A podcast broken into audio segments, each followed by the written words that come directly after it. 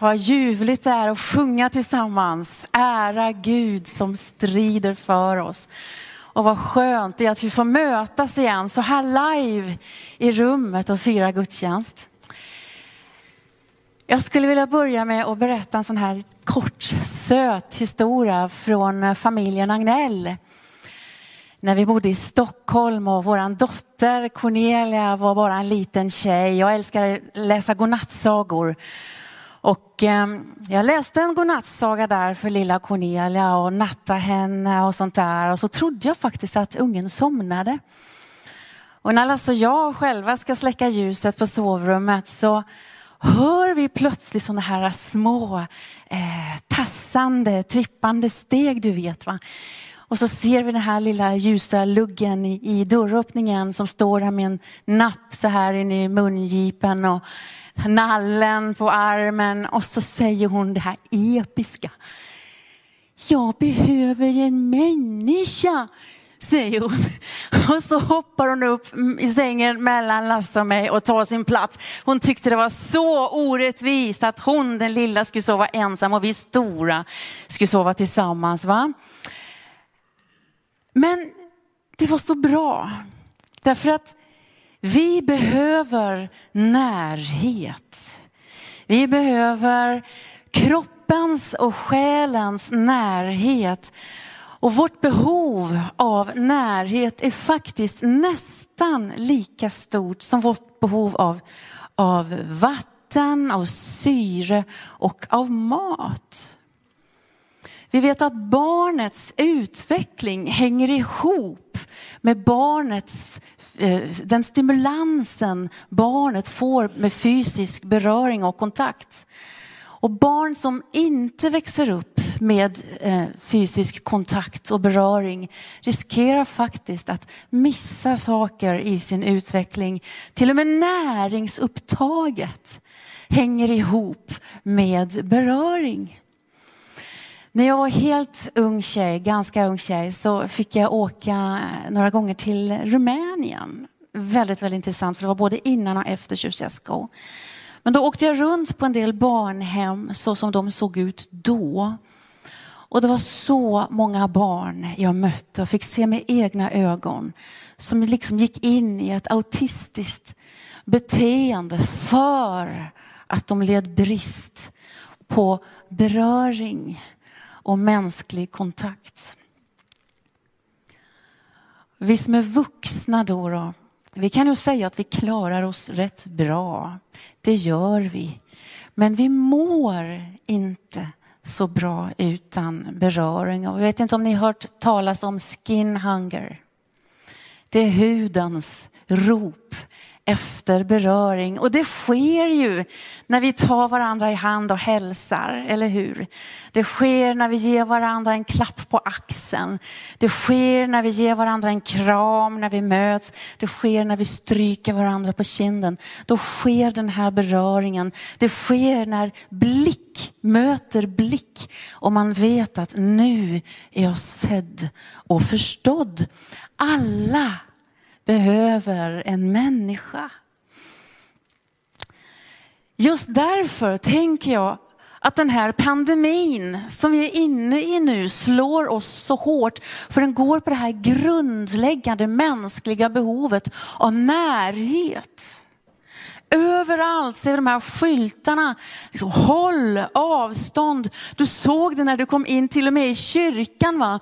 Att vi ska hålla distans. Vi sitter lite ifrån varandra. Och jag vet inte riktigt alltid måste jag säga hur jag ska bete mig när man ska hålla det här avståndet. För egentligen vill man ju kramas när man inte har setts på lång tid. Men så ska man hålla den här distansen. Hur gör vi då? Ja, vi håller på att lära oss, men lätt är det inte. Det känns lite stelt. Va? Och familjer möts utomhus. Och kanske du sitter här eller hemma framför apparaten och jobbar hemifrån på ett helt nytt sätt. Vi, vi loggar upp oss och jobbar hemifrån. Vi har lärt oss ett helt nytt kösystem, eller hur? När man går på ICA så ser det ut som det är jättelång kö, pressa folk till kassan. Men så är det den här tvåmetersregeln. Den har liksom satt sig i våran ryggmärg.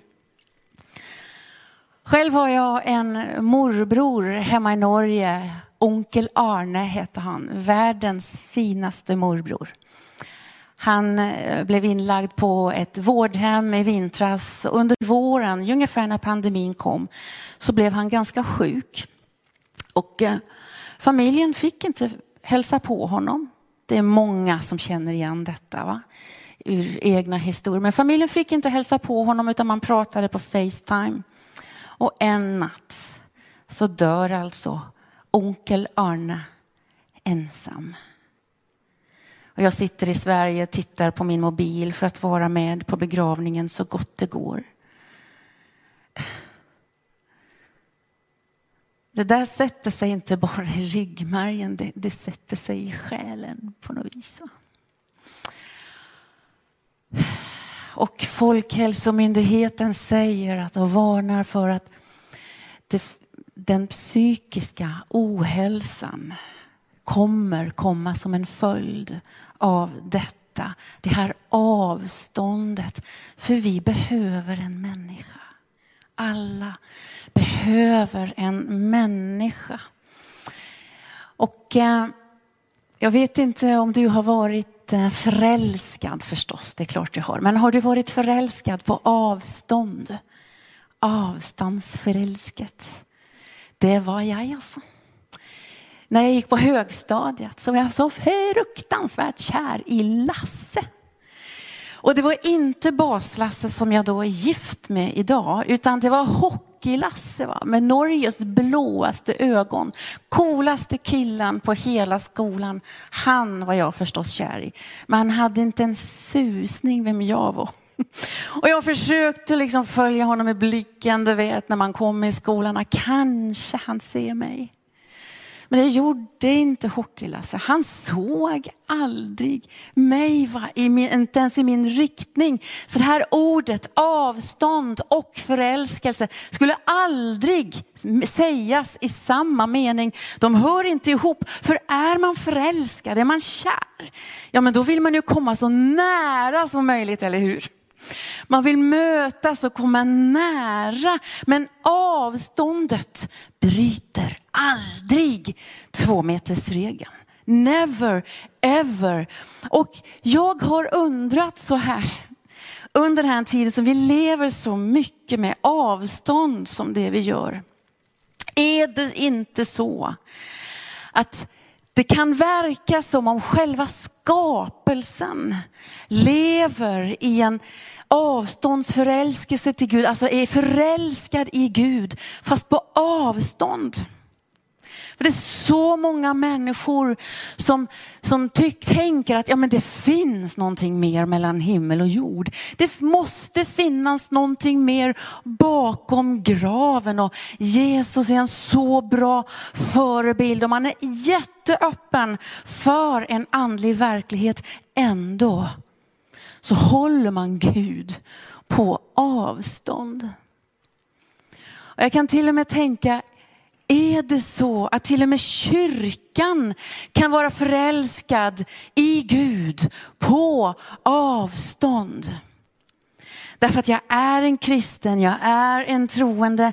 Men jag vill inte egentligen att det ska innebära större förändringar i mitt liv så att jag får ändra mina vanor, ändra mina mönster, mina prioriteringar och mitt fokus. Utan det uppstår ett avstånd mellan mitt söndagsliv och mitt vardagsliv.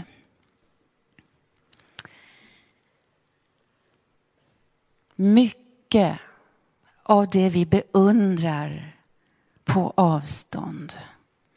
Det förlorar ju sitt värde och sin magi och kraft över oss när vi kommer lite närmare, eller hur? Därför att det är när man kommer nära och de här kläderna som vi vill köpa. Så man tittar på avstånd, den ser fin ut, den vill jag prova. Så tar man i tyget och så, nej det här var ingen bra kvalitet, det här kommer klia, det här var inte alls bra. Eller denna hockeylasse, tänk om han var liksom en självupptagen narcissist. Ja men jag får ju inte veta det. Ja han kan ju ha varit underbar också. Va? Antagligen så var han det. Men jag får ju inte veta det, för jag kom aldrig tillräckligt nära. Det vi vet, det är ju faktiskt att mycket ändrar sig och förändrar sig när vi kommer lite närmare. Och nu ska vi gå till ett så fint bibelord. Som träffar oss mitt i vår verklighet där vi kämpar med avstånd, påtvingad avstånd och distans. Andra Moseboken kapitel 33, vers 21. Och jag läser i Jesu namn.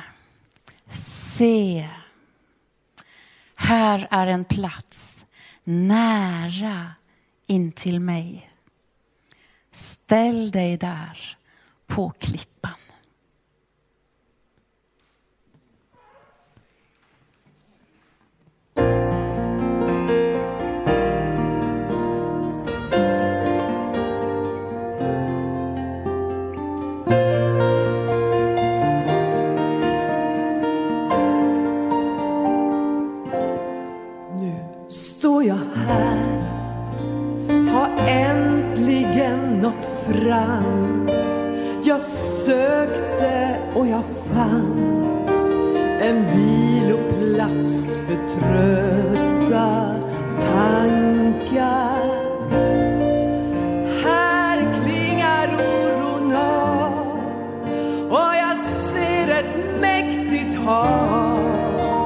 Med våg på våg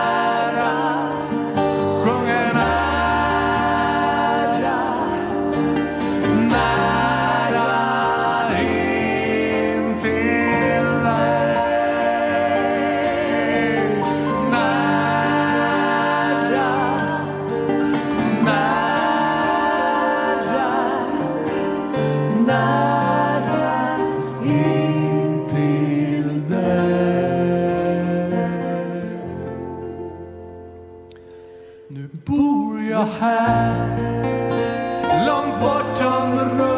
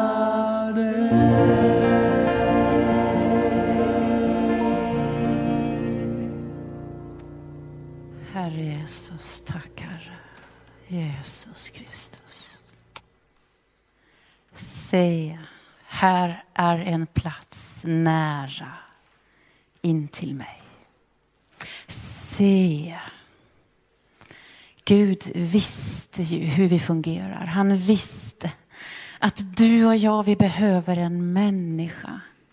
Och vad gör han?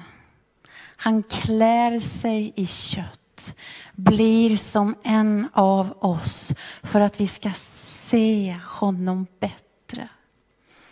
Det är ett kroppsligt evangelium. Alltså jag såg glad och så stolt över vår Gud som ger oss ett kroppsligt påtagligt evangelium. Han pratar vårt språk, han äter vår mat. Han gick med sandaler som blev fulla av damm för att vi ska få en tydligare bild av hur och vem Gud är. I den grad det är möjligt för oss människor att få en bild av himmelens och jordens Gud. Se, alltså Gud inbjuder oss att göra ett kvalitetsprov, att göra en egen bedömning, att se med egna ögon. Därför att det finns sånt som växer när vi kommer närmare, vad som blir bättre, som går djupare, som är mer attraktivt och som faktiskt vinner i längden. Och det nästa i bibelordet var se, här är en plats nära intill mig. Vet du att det finns en plats i Guds omedelbara närhet som bara är din. Det finns ingen annan som kan ta den platsen, ersätta den platsen, fylla den platsen, utan den är bara, bara din. Oavsett hur stort avståndet är mellan dig och Gud. Om du är långt borta från Gud eller om du är rätt nära eller om du är riktigt nära så finns det en plats här intill mig, står det i bibelversen, som är din.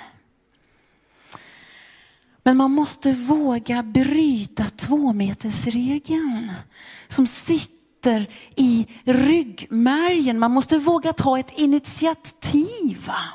Gud har ju redan tagit initiativet så nu måste vi ta ett initiativ och våga beröring. Våga närhet. Och redan i första Moseboken så möter vi en Gud som egentligen säger välkommen in i min närhet. För vad ser vi hända när Adam lämnar sin självklara plats i Guds närhet? Jo, då går Gud ut i trädgården och så ropar han och han letar människa. Var är du? Var är du? Så går vi till nästa bok i Bibeln som vi har läst ifrån nu där Gud säger det finns en plats här nära mig som är din människa. Som är bara din och så är det den starka röda tråden som går genom varje bok ifrån Bibelns första till Bibelns sista bok. Och Jesus kommer, när han kommer så säger han kom. Kom och följ mig och jag ska göra er till människofiskare. Kom, kom till mig du som är tyngd av bördor och jag ska ge dig vila. Du som törstar, kom till mig och få dricka ett enda stort kom ifrån Guds sida till dig som törstar efter mening med livet. Till dig som behöver nåd och syndernas förlåtelse. Till dig som behöver lindring för smärta, kärlek och Guds gemenskap. Alltså du som behöver en människa i gudakläder med mer makt med flera möjligheter än du har själv. Du får flytta ditt liv närmare. Fylla den platsen som bara du kan fylla i Guds närhet. Det är mäktigt. Och vad händer då? då? I Guds närhet. Vi präglas av honom.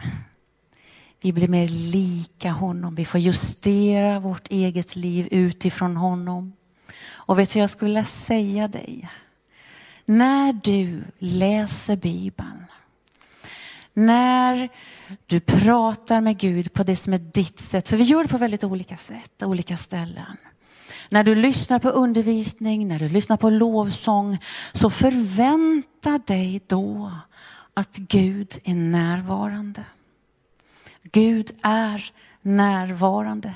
Ja, men det känns inte så, säger du. Det känns faktiskt inte alls så. Ja, men du vet att det är ju tur att Guds löften och Guds ord och sanningar inte hänger ihop med vårt känsloliv. För det är subjektivt, men Guds ord och löften och Guds närvaro är objektiv. Är du med? Den är objektiv, den bygger på någonting mycket, mycket större än oss. Se, här är en plats nära intill mig. Ställ dig på klippan. Och det här, den här bibelversen är ju hämtad ur en stor historia om när hebreerna vandrade runt i cirklar i öknen. Och genom hela Mosebok förstår ni, är det så att klippan är en sån här förebild och bild på Jesus Kristus. Och i den stora historien så ber Gud dem att slå på klippan där i öknen för att få vatten. Det är ju lite awkward. Jag beundrar dem att de faktiskt tog Gud på ordet och gjorde det. De slog på klippan, det kom friskt vatten, vatten och vattnet blev ett sånt här fysiskt bevis för Guds närvaro, att Gud var med dem. Och när Jesus kommer så drar han en sån, han spänner en sån här jätte jättestor båge från just den här historien och till sig själv. För det står om Jesus att på den dagen, sista dagen i högtiden, stod Jesus fram och ropar om någon törstar. Kom till mig och drick. Och du förstår att den högtidsdagen var inte vilken dag som helst utan det var den dagen man gick i procession ner till Siloamdammen för att hämta vatten. Varför då? Jo, för att påminna sig själv och varandra om att Gud var den som gav oss vatten i öken. Gud var den som mättade vår törst i öknen. Så det Jesus gör är att linka sig på att det är han som är klippan. Så ropar han den som törstar kom till mig och drick. Och Paulus skriver en del om detta. Han skriver klippan var Kristus, skriver han i Korintierbrevet. Jesus är den bergfasta klippan. Om det gungar i ditt liv, vad som än händer i ditt liv så är Jesus Kristus bergfast klippa som du kan bygga ditt liv på. Men så är han mer. Han är den brustna klippan. Det står att de skulle slå på klippan så skulle det komma vatten. Och det står om Jesus att han blev slagen för vår skuld. Han blev hängd på ett kors för vår skull, lagt i en grav. Och det för oss liksom rakt in i påskhistorien. Och varför då? Måtte Jesus dö? Varför måtte Jesus dö? Jo, det var ju för att flytta oss och erbjuda oss som var långt borta en plats i Guds omedelbara närhet. En plats tätt intill. Vi som lever med avstånd, med distans, med rädsla, med sår i Guds egen helande, upprättande närvaro.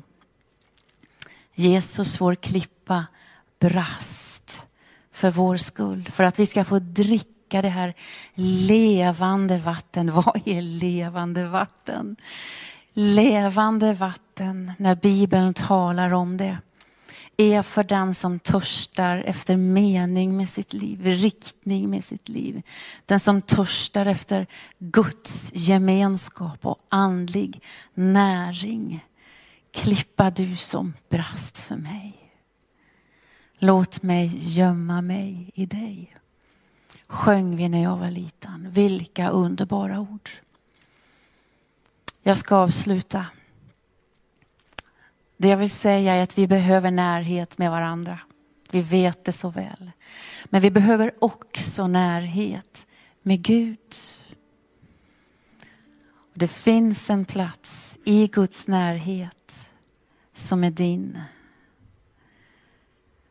Där faller du på plats och blir som mest dig själv. Där får du vara hel. Och du kan få en beröring av Gud här och nu. I det här rummet. Eller framför kameran eller skärmen där du sitter just nu. Därför att Gud är nära. Så flytta ditt liv närmare. Sätt din tro i rörelse. Det finns en plats som är bara.